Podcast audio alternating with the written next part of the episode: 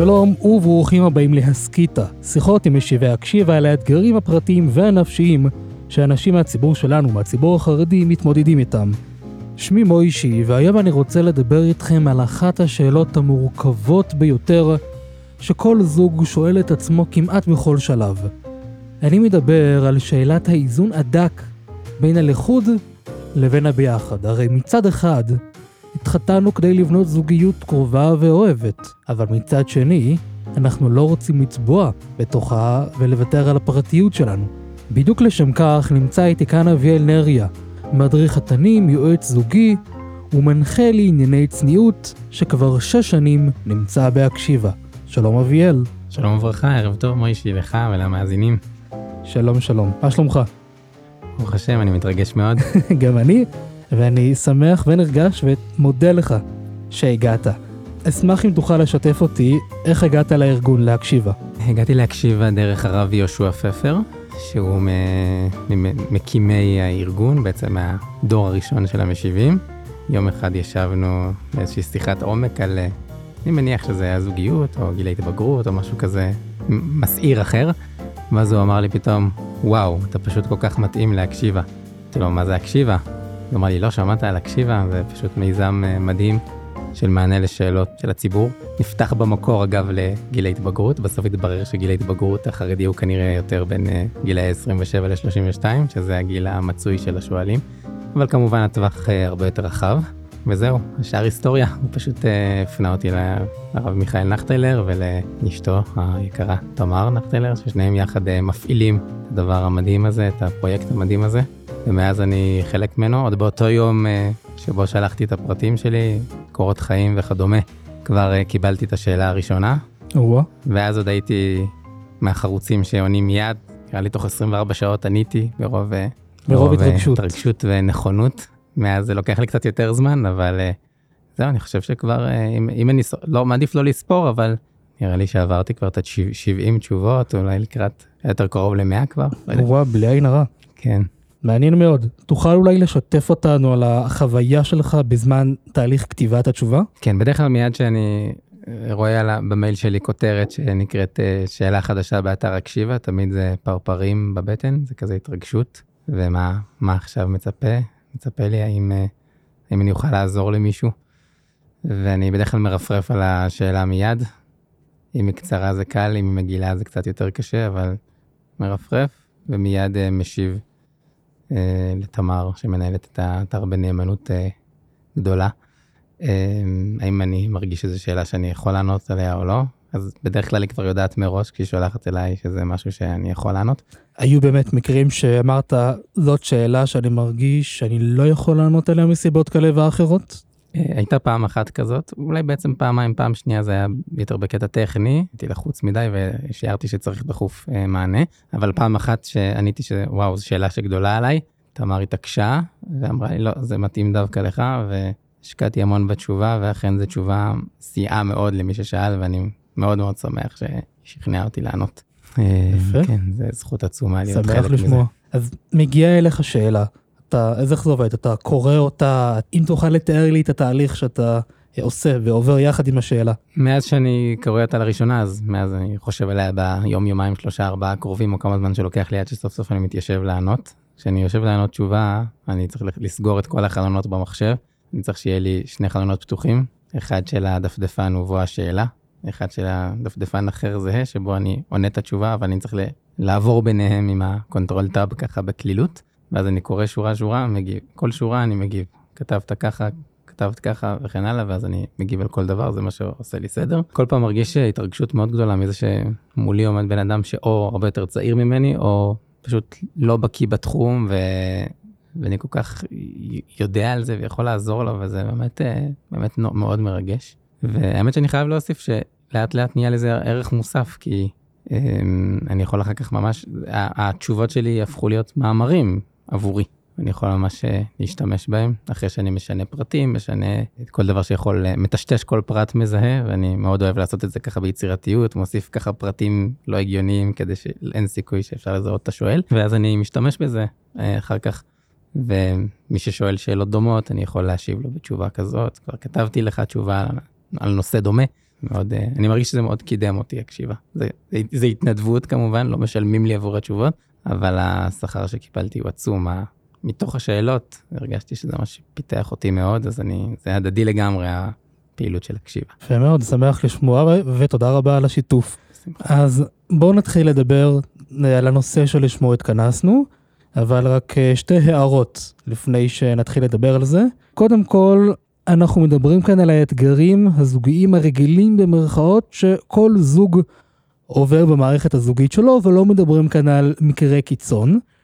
זה דבר ראשון. דבר שני, אם אתם מרגישים שאתם זקוקים לעזרה, אז בבקשה, אל תסתפקו רק בהקשבה להסכת הזה. אנחנו מדברים על, על הנושאים כדי להעלות מודעות, לעודד שיח יהודי בריא, אבל כמובן כל זה אינו מהווה תחליף לעזרה מקצועית. ברשותך אני אתחיל בשיחה הראשונה שהייתה לנו. כשהתקשרתי אליך בפעם הראשונה ודיברנו על זה שנכין פרק ונדבר על זוגיות, שאלתי אותך איזה עניין ממקומך כיועץ זוגי, איזה עניין אתה רואה שהכי פונים אליך והכי מדברים איתך עליו, או במילים אחרות, מה הכי כואב לזוגות? ואני חושב שכמעט בלי להתבלבל אמרת לי העניין של האיזון בין הביחד ללבד. נכון, נכון מאוד, אני ממש מרגיש מכל הפניות שמגיעות אליי, משיחות uh, בחצר בית הכנסת אחרי ערבית וכדומה, שזה ממש הנושא שמעסיק היום את, ה, את הזוגות. כי מצד אחד, היום אה, ההתפתחות האישית אה, עומדת מאוד בראש ה... ראש השאיפות של האדם, התפתחות האישית שלי כאדם, קצת פחות אה, אידיאליים, יותר ציבוריים. מאידך, כל אחד וכל אחת רוצים אה, זוגיות מאוד קרובה ואוהבת ולהיות ביחד. אז כן, אני חושב שאין ספק שזה הדבר הכי מאתגר. איך אפשר להיות מאוד מאוד ביחד ועדיין גם לדעת להיות לבד. זה גם מטריד, זה, זה, זה יכול להטריד זוגות ממש מיומם הראשון. כלומר, איך, יש עכשיו יום לפנינו, איך אנחנו יכולים גם לתפוס כל אחד את המקום שלו כשהוא זקוק לפרטיות שלו, וגם להיות ממש ממש ביחד.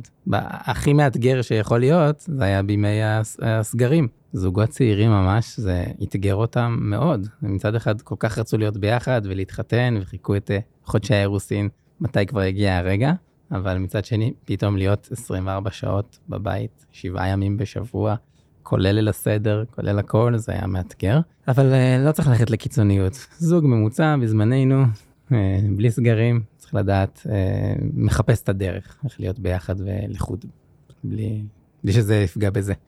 מעניין, אז בואו נתחיל לדבר על הנושא הזה באמת, ואני חושב שאולי השאלה הכי נכונה ונקודת ההתחלה הכי נכונה היא מהרווקות, אבל לא בהכרח מהרווקות, כמו שהשאלה היא איך אפשר לכונן זוגיות שהיא קרובה ואוהבת, ועם זאת בלי לוותר על הפרטיות. זו שאלה מצוינת, אני חושב שהיא מעסיקה זוגות בכל גיל.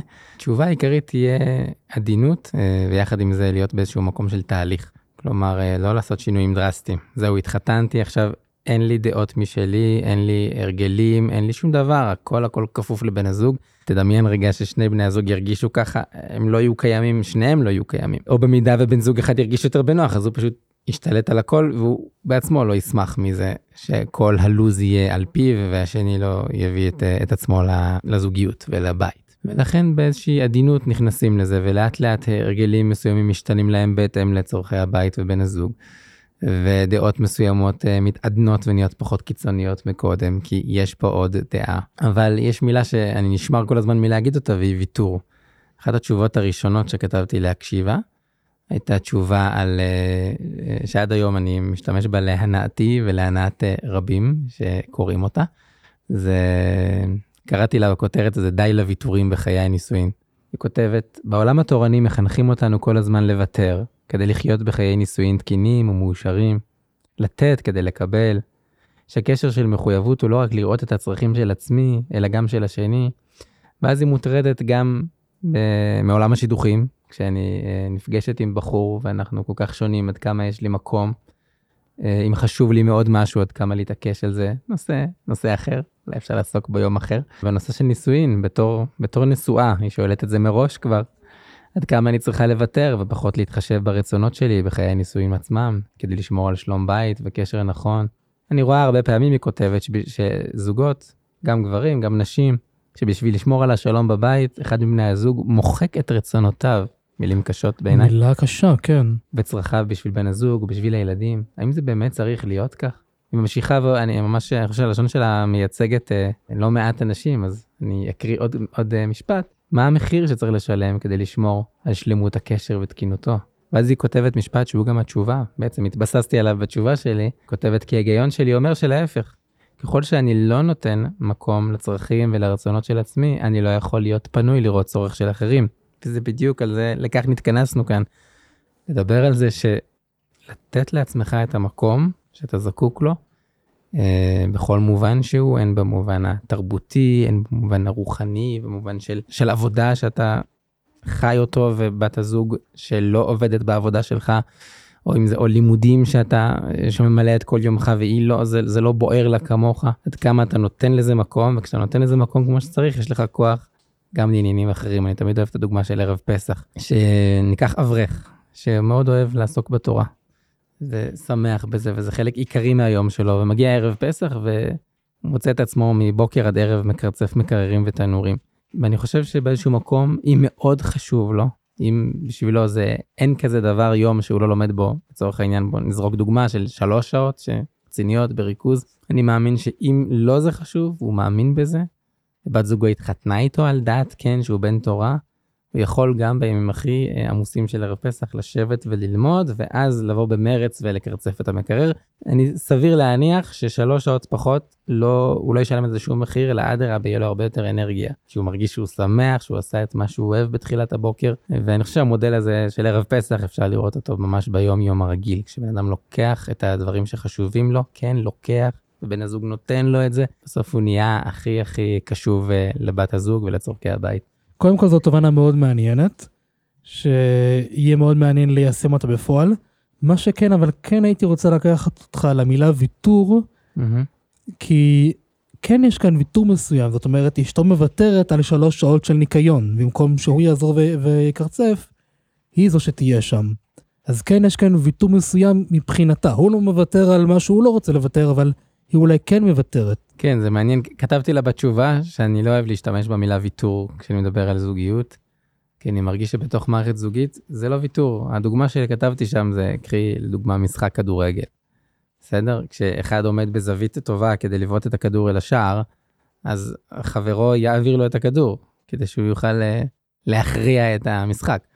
זה, זה לא נקרא ויתור, זה פשוט פעילות קבוצתית. אם נסתכל למשל על פס ייצור, כשכל אחד uh, עושה מלאכה אחרת, או בשלב אחר של פס הייצור, אז זה לא ייחשב ויתור שהוא מוותר לו על, uh, על הפעולה הזאת, שהוא יותר חביב בעיניו להרכיב את הדלתות של הטויוטה קורולה. אז זה, זה פשוט שלב אחר, וגם בזוגיות, אנחנו פשוט עושים, ממלאים פונקציות שונות בבית, בכל, בכל כל זוג כעניינו. וזה לא ממקום של ויתור, אחד מדי פעם זקוק יותר לאיזשהו מרחב, הוא, בן הזוג נותן לו אותו ולו, אני לא, לא יודע אם להגיד את המילים האלה, אבל ולו בגלל שאחר כך גם אתה תצטרך את זה והוא ייתן לך, וכך ראוי ויפה. זה לא, זה לא מקום אלטרואיסטי של אה, נתינה, אה, זולתנות, כן? נתינה לאחר מעבר ליציאה מעצמי, לא, זו זוגיות, ככה זה בנוי, ככה בנוי הבית. לכן המילה ויתור אצלי לא בלקסיקון הזוגי. זה מעניין, וגם כי בסוף זוגיות היא לא עניין של uh, פנקסנות.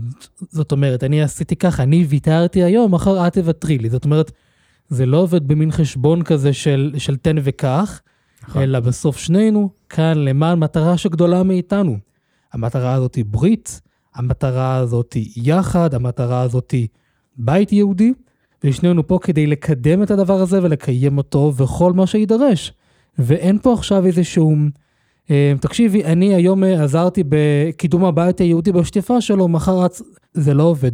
בצורה כזאת, אלא כל אחד תורם מעצמו כמה שהוא יכול כדי לקדם את הפרויקט הזה שנקרא הבית היהודי. נכון מאוד. אני חושב שזה ממש עולם אחר כשיש לנו איזשהו יעד משותף, מטרה משותפת. אולי חשוב להעמיד את המסגרת שבה אנחנו מדברים, אנחנו מדברים על זוגיות תורנית, זוגיות יהודית. ואחת המעלות העצומות של זוגיות יהודית לעומת אה, זוגיות שאיננה נושאת את התואר הזה, זה זוגיות שיש לה איזושהי מטרת על.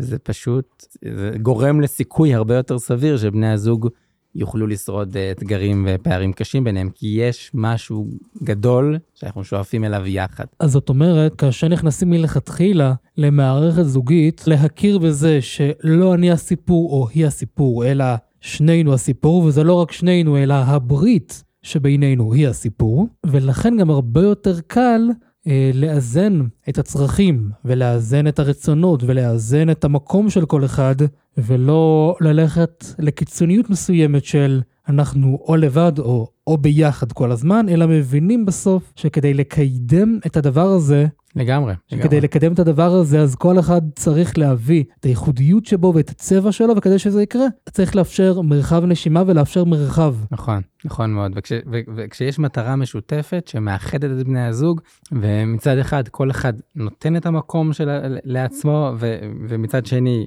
אה, שואף יחד למטרה יחד עם בן הזוג, זה פשוט נראה עולם אחר.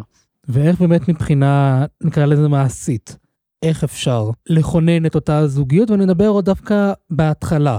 אני ברשותך אציע הצעה, ונשמח לשמוע את דעתך. אז אוקיי? קודם כל אמרנו ההבנה הזאת, ההבנה התיאורטית הזאת של מהי זוגיות נכונה ומהי זוגיות בריאה ולשם מה אנחנו מתחתנים. זה דבר ראשון. דבר שני, אם אמרנו שאנחנו צריכים שכל אחד יביא את הייחודיות שלו, אז אנחנו צריכים לדעת מהי הייחודיות שלו ולשם כך צריכים הקשבה. יפה, יפה. קודם כל הקשבה של האדם לעצמו, לדעת מי אתה, ומה מה, מה, מהי השליחות שלך בעולם, מה מיוחד בך.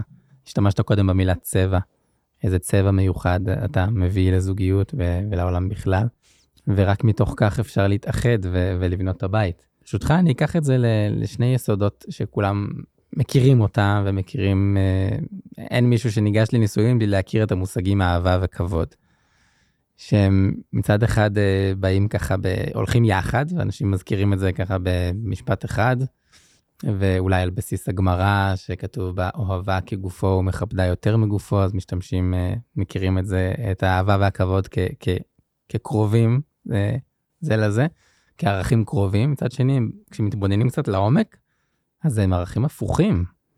אהבה מבטאת קרבה וכבוד למעשה מבטא ריחוק, מישהו פה מכובד ואני אה, שומר מרחק של כבוד. זה נורא מעניין, כי ההרגשה שלי שמה שמאפשר לבני זוג להיות אוהבים וקרובים, אה, זה דווקא הכבוד, דווקא המקום הפרטי שנותנים אחד לשני. הריחוק דווקא? כן, דווקא הריחוק הוא זה שיוצר את הקרבה, ולכן אני מאוד מאוד אוהב את ה... את ה לדבר על ריחוק וקרבה בזוגיות. אה, ש, שזו הדינמיקה הזוגית. בני זוג נכנסים לזוגיות ו, וחולמים על קרבה וקרבה וחושבים שזאת זוגיות, אך לא, זוגיות היא ריחוק וקרבה. אחד הביטויים הנורא בסיסיים לזה זה המערכת היהודית של הטהרה, שיש זמני איסור וזמני היתר, שבעצם מובנה בזוגיות הריחוק והקרבה. אבל גם בתוך זמני היתר, יש, יש רגעים של ריחוק ורגעים של קרבה. ובני זוג הרבה פעמים מופתעים מזה שאנחנו מרגישים רחוקים. למה זה קורה? למה, למה אני נכנס הביתה ואני מרגיש אה, היא שם ואני פה. ועל על זה חלמנו? התשובה היא כן, כן, זאת זוגיות, תעשו איזשהו תהליך ותתקרבו אחד לשני. ותנו מקום גם לריחוק, ככה בנויה זוגיות טובה. אולי בוא, בוא נתחיל מכבוד. אז כבוד בעיניי כולל, אה, אני אוהב לדבר על זה שזה כולל ארבעה חלקים. חלק ראשון זה הערכה. באמת, כשאני מבטא הערכה, זה, זה מתבטא במילים הפשוטות שבן אדם עובר לו בראש, היא יודעת מה שהיא עושה.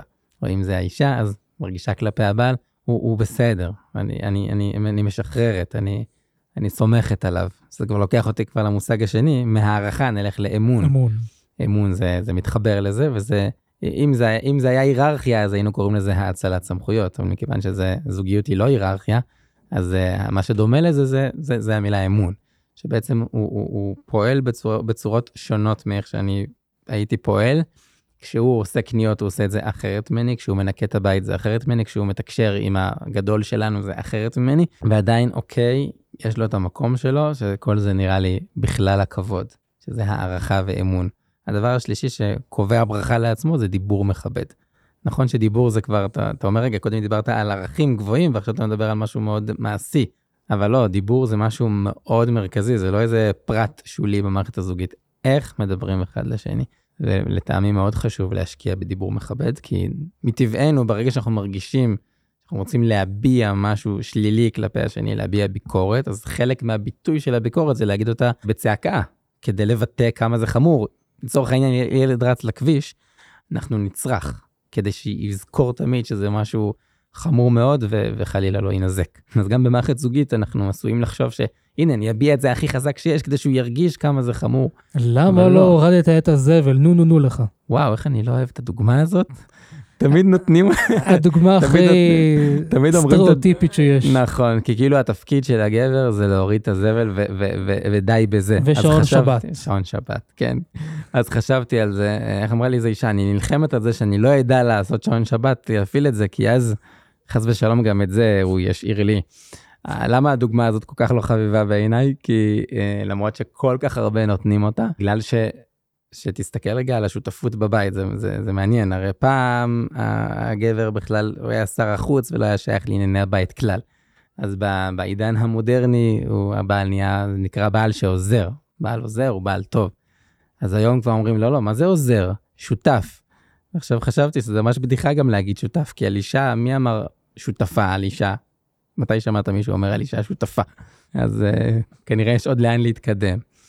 האמת, אה. זה מזכיר לי שבדיוק היום אה, ראיתי איזשהו מישהו, איזושהי דמות די מוכרת, ששאלו אותו איך אתה אבא עוזר, אתה מחליף חיתולים לצורך העניין, והוא אמר, מה זאת השאלה הזאת? כאילו, אם זו הייתה מי שהייתם שואלים אותה, ברור שלא. מדהים, מדהים. הרי בסופו של דבר, זה הבית שלי, זה הילדים שלי, זאת אשתי שלי, זאת הברית שלי. אני בכוונה גם לוקח את המילים האלה, אז ברור שאני לוקח בזה חלק. אין לי סיבה שלא. ברור, וזה מה שרואים היום, ברוב הבתים יש הרבה יותר אה, היטשטשות בהקשר של, של מטלות הבית בין תפקידי המגדר המסורתיים, אבל חשוב מאוד לומר, בעיניי חייבים להדגיש את זה כשמדברים על זה, שמצד שני יש לא מעט זוגות שכן שמרו על תפקידי המגדר המסורתיים הללו, שהאישה בבית והגבר בחוץ, ושוב, בין אם זה בתורה ובין אם זה במלאכה, ועל זה נאמר, טוב לכם, נעים לכם, אתם מרוצים מהמודל הזה שלכם, זה נהדר. אני חושב שאחד היסודות הגדולים אה, שצריך, לה, שטוב שאנחנו התכנסנו כדי לה, לה, להגיד אותם ולדבר עליהם, זה שאין מודל אחד לזוגיות, אין איזה עצה אחת איך אה, המדריך לזוגיות מושלמת. קודם כל אין כזה דבר זוגיות מושלמת, כי זוגיות אמ- היא לא מושלמת מטבעה, וגם אין איזה מדריך אחד, אין צורה אחת איך זוג צריכים לחיות ואיך נכון עבורם לחיות. כל זוג מה שמתאים לו לגמרי. אז היה דיברנו על דיבור מכבד, לשמור על השפה ולנסות להביע במילים את מה שאנחנו, במילים עדינות, מה שאנחנו רוצים אה, לבטא. והדבר האחרון והחביב ברשימת הכבוד, זה דבר ששמעתי מהרב פייבלזון, שהוא אמר, מכבדה יותר מגופו, המשמעות של זה, זה יש מרחב שאני לא נכנס אליו, אלו המילים שהוא אמר. ובעצם בכותרת של מילה אחת זה פרטיות. יש פרטיות, וזה, דיברתי על זה לאחרונה בכל מיני אה, מרחבים, וכולם כל כך נהנו והתחברו. לדבר על פרטיות בזוגיות זה חידוש. פרטיות? מה פירוש? זוגיות? מה? בזוגיות אין פרטיות, אנחנו חיים בחדר אחד, לא? כן, אבל בתוך המרחב הזוגי, אנחנו שומרים על מרחב של כל אחד, מרחב פרטי. וזה מאוד מתקשר אלי גם לעניין של אמון והערכה. אני סומך עליה ואני מאמין לה, ולכן זה בסדר גמור גם נכון. שיהיה לה מרחב סודי, אם נקרא לזה ככה. שאני לא צריך להיכנס לשם ואני סומך עליה והכל בסדר גמור והכל, אה, והכל טוב. נכון, אם ניקח דוגמה מצויה, שממש אה, אני שומע עליה הרבה, זו דוגמה של שימוש במדיה, שהמדיה נכנסה לחיינו הרבה יותר מפעם. אז אם זה סמארטפון בבתים יותר אה, פתוחים, ואם זה מחשב בבתים אחרים, אז האם אחד יכול לראות מה קורה על המסך של השני? אז בגדול אני חושב שזה מצב בריא שאנשים, שאין סודות אה, ברמה כזאת שהשני אסור לו לדעת איזה סוד. יש פרטיות ויש סוד שזה שני דברים שונים, חשוב רגע להגדיר. אוקיי, מעניין, כי אני דווקא השתמשתי במילה סוד, אז אני אשמח שתלמד אותי. אז בגדול, הגישה המקצועית בזוגיות אומרת שלאנרגיה של סוד, האנרגיה של סוד היא אנרגיה שלילית. היא פוגעת בזוגיות. ברגע שיש איזשהו משהו שאני מסתיר, אז זה יכול, זה פוגע בזוגיות, ממקום של סוד. יש לזה, זה, זה איזשהו, זה עושה איזשהו רטט לבן הזוג, איזושהי תחושה שיש לו עולם משלו במובן הלא טוב של המילה. וזה חלוק לגמרי מפרטיות.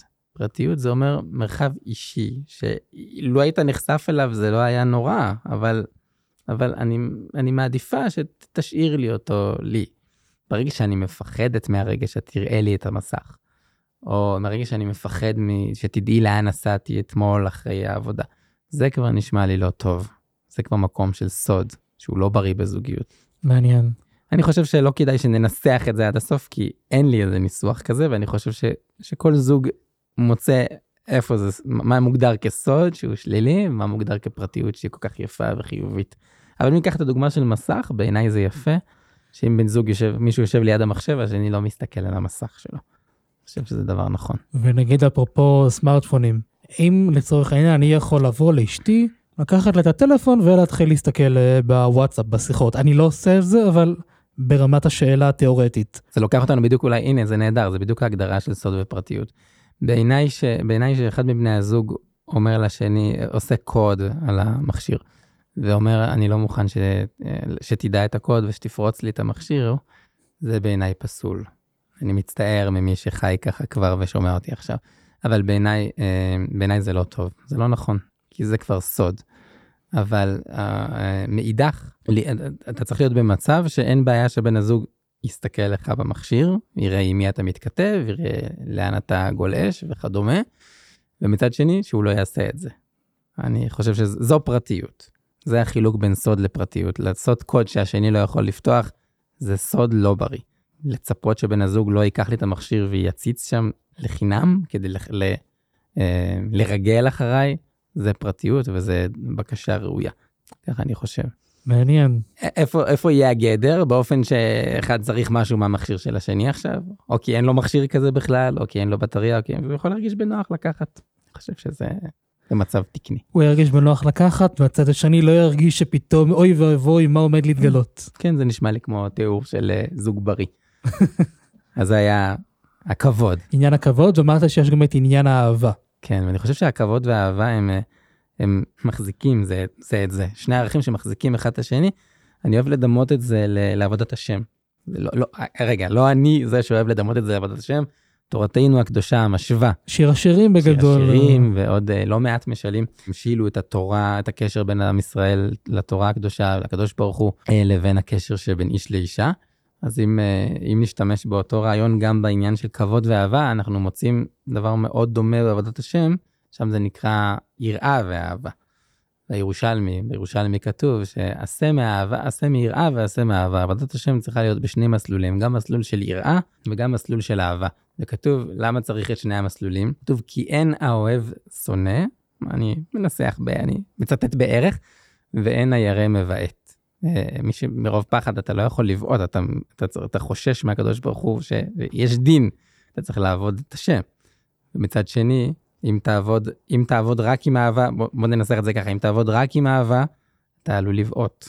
אם תעבוד רק עם היראה, אתה עלול לשנוא. כך כתוב, אין, אין האוהב שונא ואין הירא מבעט.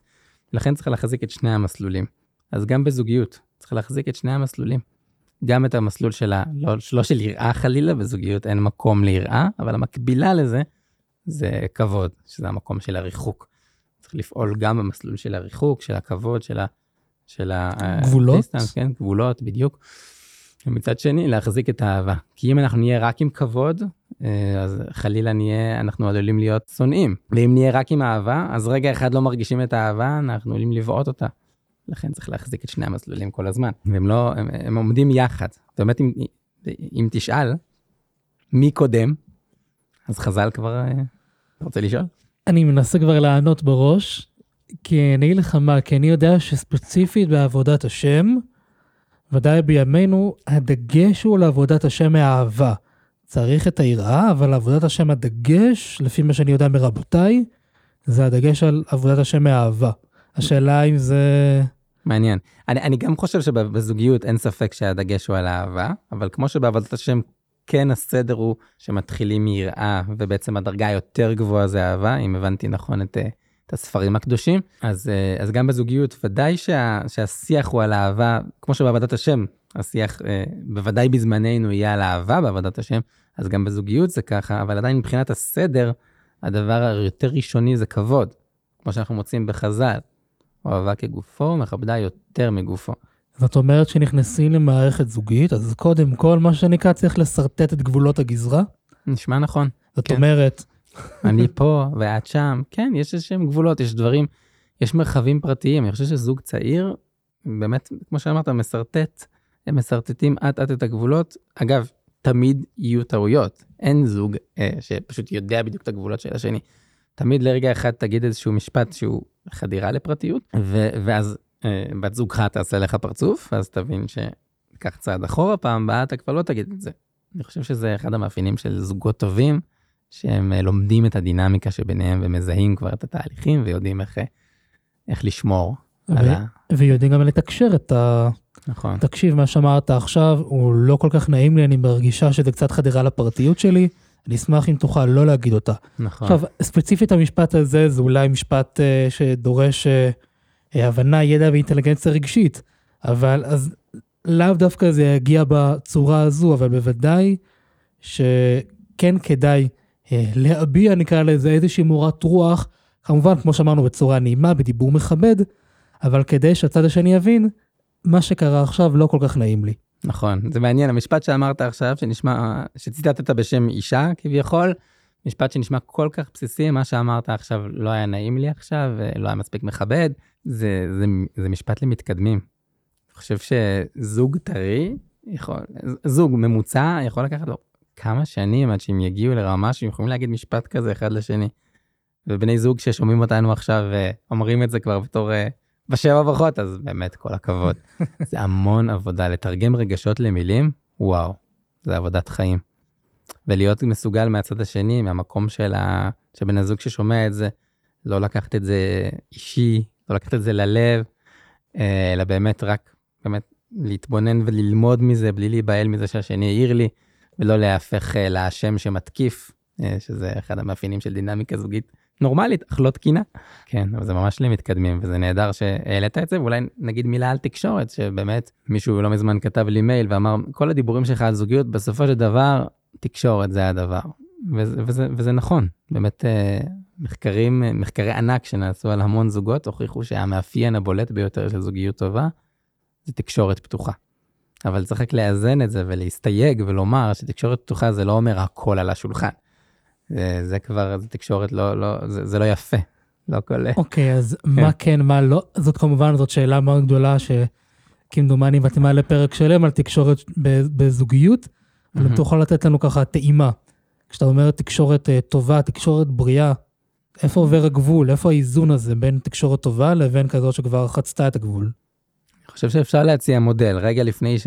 שאתה פותח משהו בזוגיות, ב... יחד עם בת הזוג, תתבונן רגע לאן זה יוביל.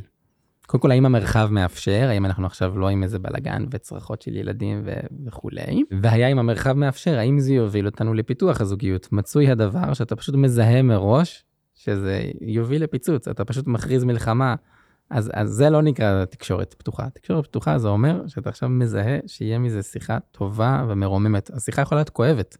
אני בעד שיחות כואבות, השיחות הכי טובות בזוגיות הן כואבות, כי אז אנחנו מגיעים לעומקים שלא היינו בהם קודם, ואני מאוד בעד. אבל uh, אני מרגיש שכל כך הרבה פעמים הפתיחה של נושא היא פשוט הכרזת מלחמה ואין פה שום תועלת, ואתה פשוט יודע מראש שבן הזוג רק יגיב בצורה, ייפגע מזה, יתעצבן. אני חייב להמחיש לך את זה עם... אה, ודאי, אני אשמח. עם משל מכת צפרדע. שכתוב, המדרש אומר שבעצם הגיעה צפרדע אחת ענקית, התקרבה למצרים, ובאו המצרים והיכו אותה אה, עוד ועוד, וככל שהם מכים, ככה היא יותר פולטת עוד ועוד צפרדעים. כל מכה שלהם זה, היא פולטת המון צפרדעים. אז שואל הסטייפלר בברכת פרץ, למה הם עשו את זה? שיפסיקו להכות. הרי זה רק מגביר את כמות הצפרדעים במצרים. עונה הסטייפלר זה כוחן של מידות. אתה לא עושה חשבון. הצפרדע מעצבנת אותך ואתה מכה אותה. זה מוסיף עוד המון צפרדעים? לא, אני אכה ואני אכה. בדיוק, בדיוק אותו דבר, זה מה שקורה בזוגיות. אתה מזהה משהו שהיא עצבנה אותך, ואז אתה אומר, וואו, איזה מעצבן, ש... ואתה יודע בידיעה ברורה שאם עכשיו תפתח את, ה... את העצבים שלך עכשיו מולה ותגיד, וואו, כמה עצבן אותי ש... מה שיקרה זה שהיא תתעצבן עוד יותר, ותעשה, ותתנהג בצורה עוד יותר שקשה לך, ובמקום פשוט להתגבר על מידותיך, אתה פשוט פותח את זה, וזה זה, זה מה שנקרא לפתוח משהו לא טוב, זה לא מוביל לשום מקום, זה לא מקדם. תמיד שיטה טובה לדחות כל הערה שיש לך. קודם כל הערה מגיעה מאיזשהו מקום של גאווה, שאני יודע יותר טוב איך כדאי לעשות את זה. אבל אם כבר אתה מרגיש ממש בצורה מובהקת, שברור לך שמשהו נע, היה כדאי לעשות משהו אחרת, שזה כל כך מצוי יום יום של זוגיות. אוקיי, תמתין, חכה לפעם אחרת, להזדמנות מתאימה לפתוח את זה, ואז זה יהפך מהערה להערה באלף. כי, כי זה כבר עצה לפעם הבאה, זה לא תלונה על מה שהיה עכשיו. אני חושב שזה פרקטיקה זוגית אה, טובה. מעניין מאוד ומלמד מאוד, וגם עבודה גדולה מאוד. ממש. אז בואו נדבר רגע, התחלנו קודם לדבר על אהבה. דיברנו על קודם כל איך, ל, איך לכבד, איך לא להיכנס, איך לא לעשות, בואו נדבר באמת מה לא לעשות החיובי. עכשיו בואו מהמם. נדבר על איך כן להתקרב בצורה בריאה.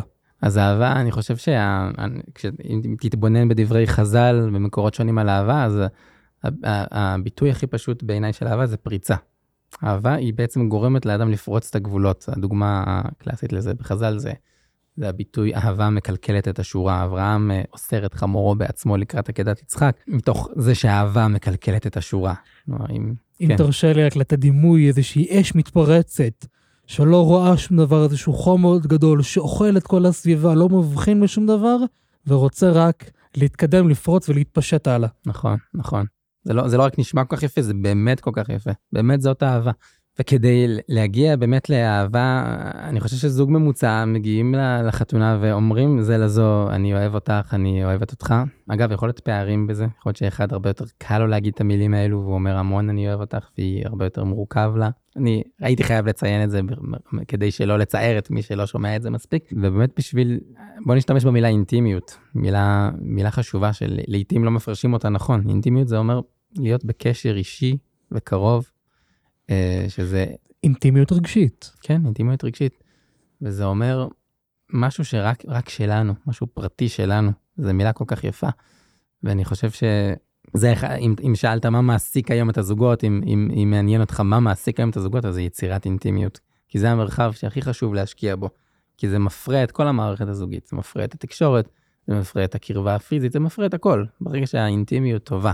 אז מה זה אינטימיות? מה, איך מייצרים אינטימיות? אז אני, אציע אולי כמה אפשרויות. בשמחה רבה, אני רק, אני רק כן הייתי רוצה להציע לך אפשרות.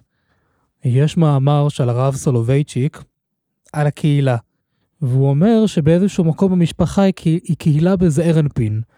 ולכן הוא אומר, זוג או בעל ואישה זה הכרה באתה.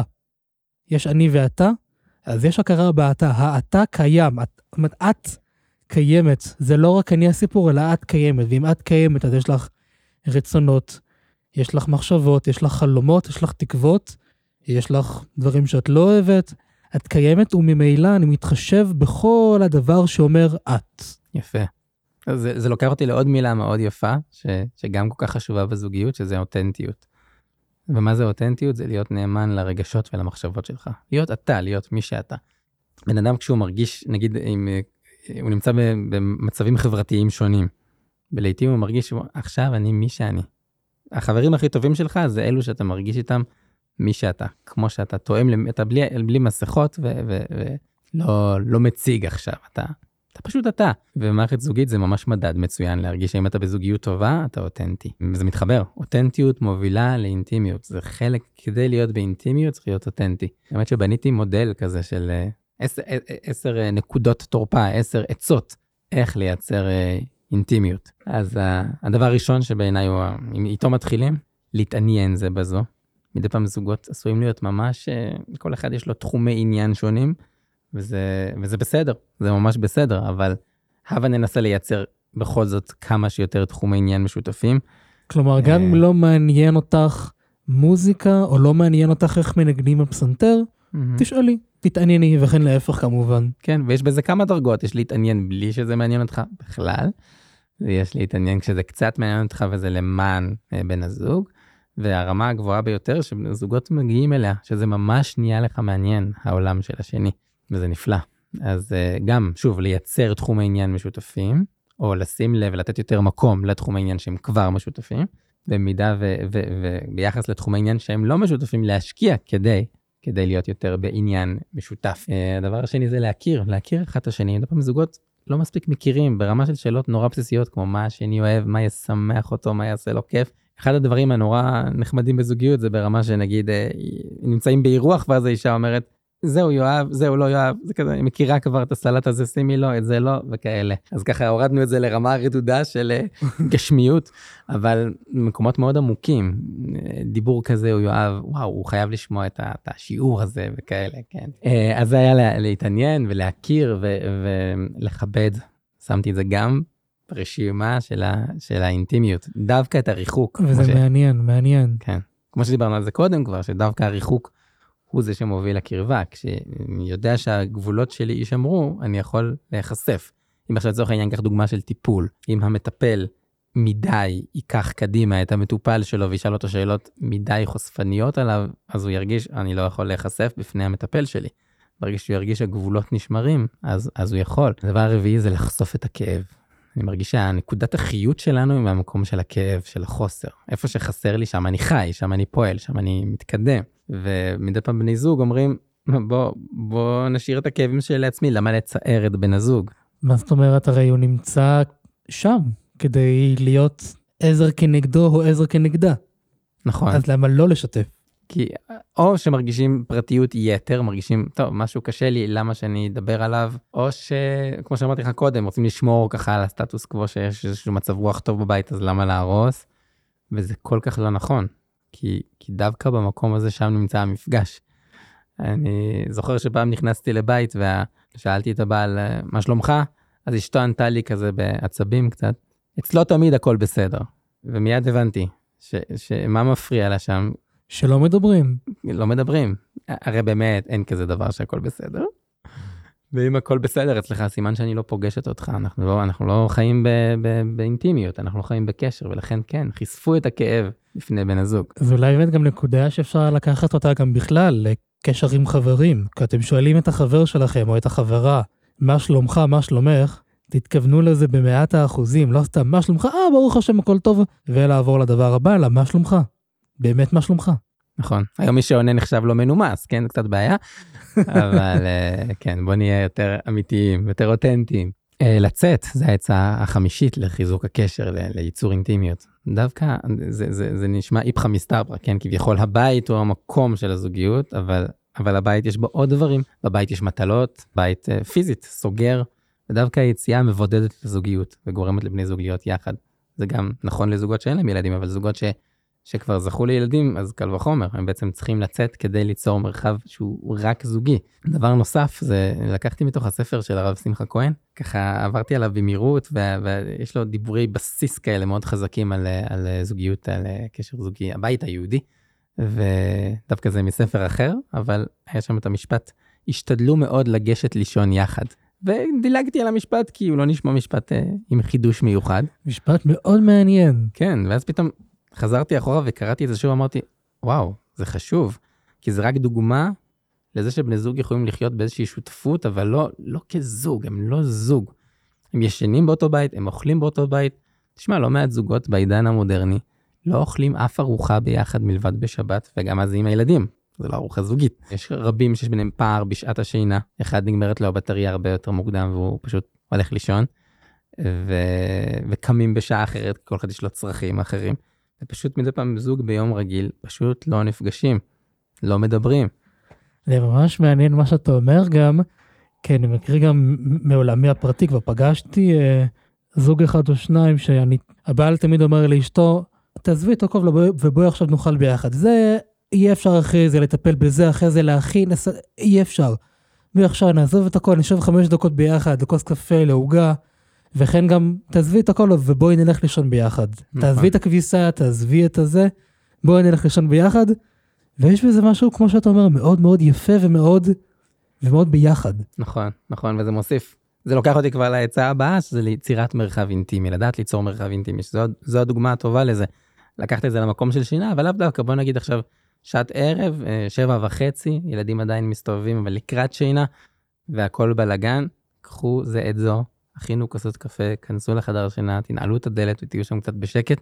אגב, עצה טובה לשמור על חדר שינה תמיד מסודר, אף על פי ששאר הבית לדרכו שהוא מתפלגן, כדי שיהיה מרחב שהוא רק שלכם, מרחב זוגי. כל כך מצוי שזוגות הם גם קוראים זה לזו אבא ואימא, והם, כן, כמעט, הם, הם, כמעט אין ביטוי לזוגיות שלהם ביום יום. ואז הם הופכים רק לאבא ואימא ולא לבעל ואישה, או לאיש נכון. ואישה. נכון, והילדים שלכם צריכים שתהיו איש ואישה בשבילם, למענם, לא, לא למען, אה, למענכם. הדבר השמיני, אני כל כך נהנה שכל פעם אתה נהנה ממה שאני אומר, אז אני, אני שמח להגיד. אנשים פה לא רואים, אני אבל יושב פה מחייך ומהנהן בכל מילה שאתה אומר, באמת, אני תודה. נהנה מכל רגע. כיף, תודה רבה רבה. אז באמת הדבר השמיני זה לאהוב את, את זה שבן הזוג טועה. ואחד היסודות שאני מאוד אוהב למכור זה שבית הוא מקום לטעות. בית זה מקום לחזור אליו, בית זה מקום שאני יכול להיות כמו שאני, שלומפר עם החולצה מחוץ למכנסיים. ראיתי אה. פעם משפט כזה, שכל אחד זקוק למקום בו יוכל לצאת מדעתו בשלווה. וואו, וואו, יפה. זה בדיוק זה. בדיוק זה, ולהרגיש בנוח. ולה... זה, זה גם מתחבר למילה אותנטיות. להיות, להיות מי שאני. ומי שאני זה בן אדם לא מושלם. כשאני יוצא החוצה, אין מה לעשות, אני משדר, אני בסדר, לא צריך מכם כלום, הכל טוב לי. יש לי בית, יש לי פרנסה, יש לי תורה, אני בסדר. ובבית אפשר להיות חסר. בן הזוג אמור לאפשר את זה לשני. בואו נדבר רגע לעניין הזה של החסר, כי אני חושב שהמילה הזאת, חסר או חסר לי, היא איזשהו בסיס בזוגיות. קודם כל כרווקים, לדעת שחסר לי, לבד אני חסר, אני זקוק למישהי כדי להיות איתה. אני רוצה להיות עם מישהי, לא טוב לי לבד, לא טוב להיות האדם לבדו. אז קודם כל ההבנה הזאת, אבל גם בתוך זוגיות, ההבנה שאני צריך אותה, אני זקוק לה. וואו. ודווקא אני רוצה לומר איזושהי אמירה תרבותית, כי היום אנחנו דווקא שומעים בהרבה מאוד מקומות, אני לא, ואני אגיד את זה בכוונה ב- בשפה נשית, אני לא זקוקה לאף אחד, אני אישה חזקה, אני אישה עצמאית, לא זקוקה לאף אחד. ואני אומר, אנחנו כן זקוקים, אנחנו כן צריכים להיות, אני לא אגיד את המילה להיות ילד ליד מישהו, כי זה לא, כי זה לא בריא להיות ילד ליד אשתי, אבל כן להיות תלוי בה. אני חסר אותך, ואני מעוניין בך. וואו, כמה זה נכון. זה פשוט מדהים כמה דייקת בכל מילה, בכל מילה שלך. תודה. באמת, אה, כן, זה מה ש... אני, אני רוצה למלא אותך, אז תהיה חסר. אני רוצה למלא אותך, תהיי חסרה. זה, זה ממש חלק מהזוגיות, זה להיות נזקק, במובן היפה של המילה. אה, ולדעת לבקש. בני זוג יכולים לייצר הררים של ביקורת כשהם אף פעם, אפילו פעם אחת, לא הזמינו מהשני את הדבר שהוא כל כך חשוב לך.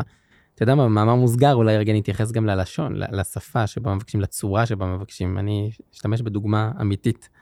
אני לא זוכר אם זה היה מייל או טלפון, אבל מישהו פנה אליי ותיאר משהו שמאוד קשה לו, ולפי, אה, הוא מתאר שהוא סובל מה, מהפרט הזה, מהדבר הזה בזוגיות, אני ממש לא זוכר מה זה, ואני לא זוכר אולי אפילו, אולי הוא לא אמר, כבר עשר שנים. מה לעשות? מה, איך מטפלים בזה? ואמרתי לו, תגיד, בכל עשר השנים הללו, האם פעם אחת דיברת איתה על זה? מיד הוא אמר כן, אם זה היה, אני לא זוכר אם זה היה, אם זה היה מייל אז אולי הוא לא מיד אמר, אבל פעם אחת דיברת איתה על זה בנחת, כלומר שלא בישס מייסה, כן? תוך כדי האירוע עכשיו אתה מתפוצץ לך, אלא פעם אחת לא היה אירוע שקשור לדבר הזה שהפריע לך במשך אה, שבוע, ויצאתם לטיול או למסעדה, סיבוב נעים ברחוב, ואז אמרת לה, אני רוצה להגיד לך רגע משהו שממש חשוב לי. אני אומר את זה ממקום ש... שאני רוצה שנהיה יותר קרובים ואוהבים, והדבר הזה מעיב על הקשר בינינו, שכל כך חשוב לי היה כך וכך וכך. פעם אחת דיברת בסגנון הזה? אז אמר לי, וואו, אפילו פעם אחת לא. וואו. קשוח. ולכן כן, ת, תבקשו אחד מהשני, אני תמיד מרגיש כאילו שאחד הדברים, אני שואל אנשים, תגיד כמה היית משלם בשביל זה שהיה לך עכשיו רשימה מסודרת של כל המתנות שאשתך הייתה שמחה לקבל בחיים. זה היה שווה, לך המון, שווה לך זהב, שאתה יודע למה היא מצפה ברמה הכי פשוטה וגשמית של מתנות. אז, אה, אז בוודאי קל וחומר שהיינו שמחים שבן הזוג היה אומר לנו מה חשוב לו, למה הוא מצפה, זה כל כך יפה. להחזיק ציפייה בבטן זה דבר לא מבורך בזוגיות. ציפיות הם לא דבר טוב בזוגיות. במקום לצפות, פשוט תביע מה חשוב לך, מה, מה חשוב לך. תשתפו אחד את השני, זו מתנה. מקסים, מקסים. נשאר לנו עוד אה, שתי עצות עוד שתי עצות, לקרבה, כן. שזה גם אה, למתוח את החבל עוד יותר, לעשות יותר. יש משהו כזה שמדי פעם מרגישים, וואו, אנחנו במקום טוב, קח את זה מעסק התורה הקדושה, אני מרגיש שהוא לומד טוב, הוא בעלייה, אז הוא אומר, טוב, אני הטייס אוטומטי כבר נוסע, לא צריך להתעלות עוד, לא, תתעלה עוד יותר. בפרנסה, בן אדם ברוך השם מרוויח יותר טוב מקודם, מרגיש קצת איזשהו הדוחק הכלכלי קצת, קצת ירד, אז הוא, אה אוקיי, לא, לא, לא, למה? אתה יכול, אתה יכול יותר. אה, בכל כל פרט בחיים זה כל כך נכון, שמדי פעם אדם מרגיש איזושהי רוויה, ולמה? למה להיות שבע? תמיד תהיה, תמיד תשאף לעוד. יש לכם איזה שבוע טוב של זוגיות איזה. ואם תרשה לי, זה צמאה לך נפשי. זה ממש. חלק מהצמאון לקדוש ברוך הוא, מהרצון לקרבה, שלא, שלא בא לידי ביטוי, כי הוא אינו גוף ואנחנו נפרדים ממנו. אבל בוא נעזוב אולי רגע את, העניין של עבודת השם, אבל גם בזוגיות, ממש. להיות צמאים אחד לשני, כי תמיד יש עמוק יותר, תמיד יש יותר. נכון. לא להסתפק רק במה שיש, נכון. אבל אני אומר, זה לא רק לא להסתפק כאילו באוף לא טוב לי. טוב לי, אני רוצה יותר טוב. וואו, נכון, אני, אני, וואו, כל כך חשוב לדבר על זה, כי כי אה, יש אנשים שחושבים שהעיסוק בזוגיות, לקנות ספר על זוגיות, לשמוע הרצאה על זוגיות, או אפילו להעז ולבוא לייעוץ זוגי, זה, זה רק ממקום של אה, אנחנו זוגות עם בעיות, איזה, כן, יש עלינו עכשיו את הסטיגמה כזאת שיש לנו בעיה אם אנחנו עכשיו צורכים זוגיות, אבל ככל שהעולם מתפתח זה נראה לגמרי אחרת. אנשים תופסים שלא, אנחנו פשוט רוצים שהזוגיות שלנו תהיה יותר טובה. תמיד פעם זוגות מגיעים אליי, וזה הזוגות שאני הכי שמח שהם מגיעים, אומרים טוב לנו ואנחנו רוצים שיהיה עוד יותר טוב. כיף אה, לשמוע דברים כאלה, ויש עוד אה, עצה אחרונה. נכון, אז האחרונה זה להתייעץ זה עם זו. אה, mm. וזה, אז ברור שמתייעצים על דברים שהם זוגיים ודברים שהם שייכים לבית, על זה לא דיברתי, אלא דברים שהם לגמרי מהעולם שלך. הרי פתחנו את שיחתנו בדיבור על העולם שלך והעולם הזוגי. לגמרי מהעולם שלך. אם זה, אם זה אברך, אז זה מעולם הלימוד, ואם זה אה, אה, מעולם העסקים, ואם זה מעולם הלימודים, ו- ואם זה מעולם שלך כאישה עם חברות וכדומה. וגם מעולמות הפנאי אולי. כן, כן, מעולמות תרבותיים. אמ, להתייעץ אחד עם השני. אני אתן דוגמה הכי פשוטה שיש. אני מחליט, אנחנו נוסעים למרכז, אפשר לנסוע מירושלים לתל אביב מכביש 443, אפשר מכביש 1. אז זאת פעם אני מרגיש שאני מתלבט לרגע, אני, אני אומר לאשתי, מה את אומרת, שאני אסע ככה או ככה, אני מרגיש שזה, למרות שבסופו של דבר היא תגיד, נו, מה שאתה, מה שאתה חושב, עדיין יש בזה, זה מעשיר את הזוגיות. כמה שיותר שיח על הדברים הכי קטנים שיש. בעיניי זה ממש מוסיף. יפה מאוד. יש רק עוד דבר אחד שכל כך חשוב להוסיף על זה משפט, כי זה כל כך מרכזי וזה כל כך מתחבר לפרטיות ולחיבור, וזה לדבר על, ה, על המושג שאנשים טועים לחשוב ולהכניס את המושג הזה כ, כבסיסי בזוגיות, מדברים על הכלה. אנשים מאוד אוהבים, המילה הכלה, מילה מודרנית חביבה. מילה, כן, מאוד אהובה היום בהרבה במות. כן, ובת זוג אומרת, אני רוצה שהוא יכיל אותי, והגבר אומר, היא לא מכילה אותי, וכדומה. ואני רוצה לשתף ולהגיד שתי מילים על גישת המובחנות, שהיא גישה מאוד, אה, מאוד חזקה היום בעולם הטיפול הזוגי, ולמה להגיע לטיפול זוגי? בעולם הזוגיות, להיות באווירה של, אה, של מובחנות, שזה אומר, אני קיים ואני לא תלוי רגשית בבת הזוג. וזה, המקום של הכלה הוא ההפך מזה. הכלה, המקום הבריא שלה זה בהיררכיה. אמא צריכה להכיל את הבן שלה איפשהו, אם תשמע בחדשות אז תשמע שהמשטרה מכילה הפגנה, אף על פי שההפגנה לא חוקית. אה, אבל בזוגיות, ברגע שה... שהאישה מכילה את בעלה במקום החסר שלו, היא עשויה לפגוע בו. כי הוא במקום להתקדם, הוא מוכל, אתה בסדר. ואז הוא רגוע. כן, אתה מכיר את זה שמישהו אומר לשני, וואי, ואז לא הצלחתי ככה, והיה קשה לי ככה, והשני לא עוזר לי, הוא אומר לו, כן, מה זה מבין אותך? לא, תעודד אותו, תגיד, עד כאן דברי היצר הרע, ועכשיו אה, קדימה, קח את עצמך, תתקדם. ולכן אני גם לא אומר שעידוד כזה יכול להיות בריא בזוגיות, יכול להיות לא טוב אם אשתך מדי תעודד אותך, כי אז זה עלול להלחיץ. אז לא להכיל ולא להלחיץ, יש לכל אחד את המקום שלו. זה מעניין מה שאתה אומר, כי אני כן יודע למשל, שיש מקרים בהם אחד מבני הזוג אומר, תקשיבי, כרגע אני נמצא בתקופה לא מדהימה בחיי, כואב לי, קשה לי, ואני מבקש ממך שכרגע, לפחות בערב הזה, בשעה הקרובה, תשהי איתי ביחד בכאב שלי. וואו. אני לא מעוניין לשמוע כרגע עצות, ולא מעוניין כרגע לקבל הכוונה. אנחנו כן נגיע לשם, אני כבר אצא משם, אבל כרגע, בשעה הזאת, בבקשה, תהיי איתי ביחד בכאב שלי, תכילי איתי יחד את הכאב שלי. זה, זה, זה, נשמע, זה נשמע יפה וממש לעניין, וזה לוקח אותי למקום אחר, למקום של אה, חברות ואישות. אני מרגיש שזוגיות, שבזוגיות יש שני, שני ממדים. יש ממד אה, יותר זוגי, יותר ש, שיש משמעות למיניות, שאני זכר ואת נקבה, שזה שונה, ויש מרחב יותר, אה, יותר אה, חברי, שוויוני, שבו אנחנו פשוט, כמו שיש חבר וחבר, חברה וחברה, אז יש חבר וחברה. ומדי פעם בני זוג צריכים לדייק איזה כובע לשים על הראש. כי אם אני אהפוך רגע את הדוגמה ויגיד שהאישה חזרה מהעבודה המתוסכלת, משהו היא מתחילה לספר לבעלה מה, מה עבר עליה, והוא עשוי להיות, ללבוש מיד את, לחבוש את כובע היועץ, אז זה לא נעים לה. היא רוצה שהוא יהיה חבר, פשוט יקשיב. ומצד שני, אם הוא רק יהיה חבר, אה, ולעולם לא יהיה עם איזושהי עוצמה, עם איזשהו מקום של אה, מוביל והחלטי, ו, וכן, מגיע מקום של השכל שמאפס רגע את הרגשות הסוערים, ואומר לה, אה, רגע, הוא, אין לו את האמוציות שהיא חוותה עכשיו בעבודה או בלימודים או בכל מרחב אחר, אה, ובעצם הוא, הוא יכול לספק לה ממד אחר בתור בן המין השני או בתור אדם אחר, אז אני חושב שדבר מאוד יפה שאני אוהב ל- ללמד אותו חתנים וזוגות, זה אומנות החלפת הכובעים. לדעת להיות לרגע עם הכובע של החבר, זה יכול להיות לחמש דקות, שעה, שבוע, שנה, ולהחליף את הכובע ברגע המדויק ללהיות הגבר. אם יותר בעמדת היועץ, המאפס, כמובן גם בזווית נשית זה אותו דבר.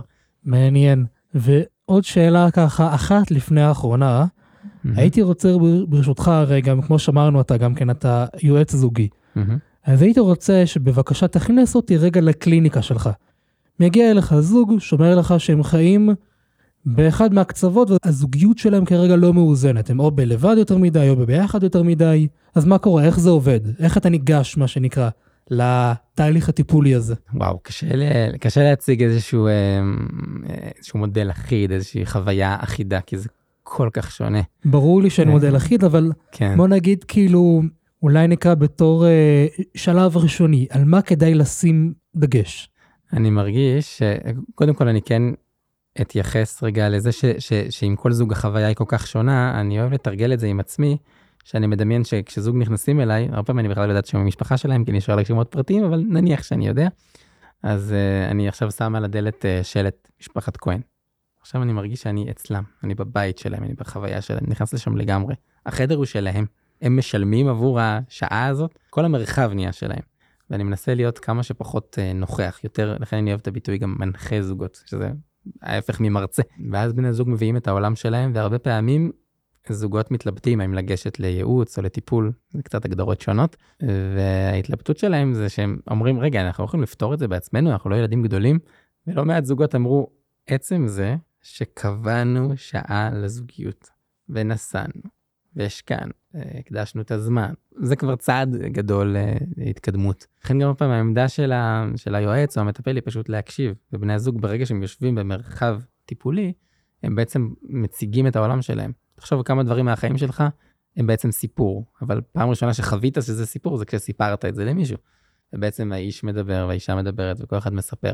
ואז הם קולטים מה קורה ביניהם בלי שאני אגיד מילה. וכן, ובדרך כלל, בדרך כלל אני מזהה שבחוויה שלי, רוב מה שאני אומר לזוגות, זה בעצם דברים כלליים שהייתי אומר לכל זוג. ולכן, אם אפשר לשתף בפרויקט שאני מפתח עכשיו, זה, ודאי. זה בעצם, אה, כן, אז בגלל, ש, בגלל שזיהיתי, וגם אה, לאור עדויות של אה, קולגות בתחום, שרוב מוחלט של המילים שאנחנו אומרים כיועצים וכמטפלים לזוגות, הרכיב המרכזי בהם הוא ידע. פשוט אינפורמציה על דינמיקה זוגית, על כל מרחביה. אז בעצם הבנתי ש, שוואו, יש פה סוד, סוד הדיגיטל, ובעצם אפשר להקליט מפגשי ייעוץ מדומים, שכביכול אני מייעץ עכשיו לזוג, ובני הזוג אה, מזהים איזה מפגש מתאים להם, הם פשוט צופים בו בבית בזמנם החופשי. ולכן אם אתה שואל מה, מה עיקר הפעילות שלי היום, אז אני עכשיו מכוון לשם. יותר לפעילות יותר ציבורית, יותר לכלל הזוגות, ופחות עכשיו לעבוד עם זוגות באופן uh, פרטי. מעניין מאוד. אז לקראת סיום, כן. כמו שאמרנו, מגיע אליך זוג. איך בסוף אפשר לעודד זוגות שנמצאים במקום הזה, שאומרים, כרגע הזוגיות שלנו, הד- הדינמיקה כרגע לא נמצאת במקום טוב, בריא ומאוזן. Mm-hmm. איך אפשר לעודד אותם? וואו, אני חושב שזוגיות זה ההשקעה הכי חשובה בחיים. קשה לראות uh, זוגות שמתפשרים. אני, באופן כללי, קשה לראות אנשים שמתפשרים על משהו בחיים. תמיד uh, תשאפו לטוב ביותר. אבל הזוגיות זה הדבר, זה הנושא, זה הבסיס של הכל. ברגע שאתה משקיע בזוגיות, אתה משקיע במקום, אה, בהשקעה הכי משתלמת. כי ברגע שאתה משקיע בבת הזוג, ברגע שאת משקיעה בבעלך, זה לא רק, המילה חוזר היא קצת זולה לי מדי, זה הרבה מעבר לזה, זה כל הטוב, זה מביא לכם את כל, כל הטוב שיש בעולם. רואים את זה בעיניים, לא צריך אה, להאמין להבטחות חז"ל על, על, על הדברים האלה. ולכן אני חושב שזה ודאי שזוג שסובל מאיזושהי מצוקה, שיחפשו את העזרה, או בספרים, או בדרכות כלשהן, או בייעוץ או בטיפול, ולא, ולא לא יוותרו, חלילה, לא לוותר, לא לוותר, מגיע לכם זוגיות הרבה יותר טובה. וגם כמו שאמרנו, בוודאי ישנה אהבה. כן, איזה כיף לסיים במילה אהבה. תודה רבה. אה. ונרי, הייתה שיחה מעניינת ומרתקת, למדתי המון ברמה האישית, ואני בטוח שגם המאזינים שלנו והמאזינות שלנו למדו. וואו, תודה לך, היה לי מדהים איתך. תודה רבה. ותודה על השאלות העמוקות ועל החיזוק. זאת הזדמנות אה, טובה כמובן לומר שמי שרוצה ליצור קשר איתך יוכל לעשות זאת על ידי הפרטים שאנחנו נפרסם בתיאור הפרק בעזרת השם באפליקציות השונות. בשמחה, בשמחה יש לי תפוצת מייל, קבוצות וואטסאפ שאפשר uh, להירשם אליהן וליהנות מתכני זוגיות uh, שווים לכל נפש. זהו, אז uh, אני ממש מאחל לכל זוג הרבה יותר. קדימה. לכו לעבוד, מה שנקרא. כן. תודה רבה לאביאל נרי על השיחה המעניינת, תודה רבה גם לרב מיכאל נחטיילר ואשתו תמר, גם כמובן לבנימין לוין על כל הליווי, ההכוונה והעזרה. ואחרונים חביבים, תודה רבה לכם ולכן, המאזינים והמאזינות שהקשבתם לנו. זאת ההזדמנות לומר שיש לנו גם כן כתובת מייל שנמצאת בתיאור הפרק באפליקציות השונות, ונשמח כמובן לשמוע מכן ומכן מה חשבתם על הפרק הזה. אני הייתי מוישי וניפגש בעזרת השם בפרקים הבאים.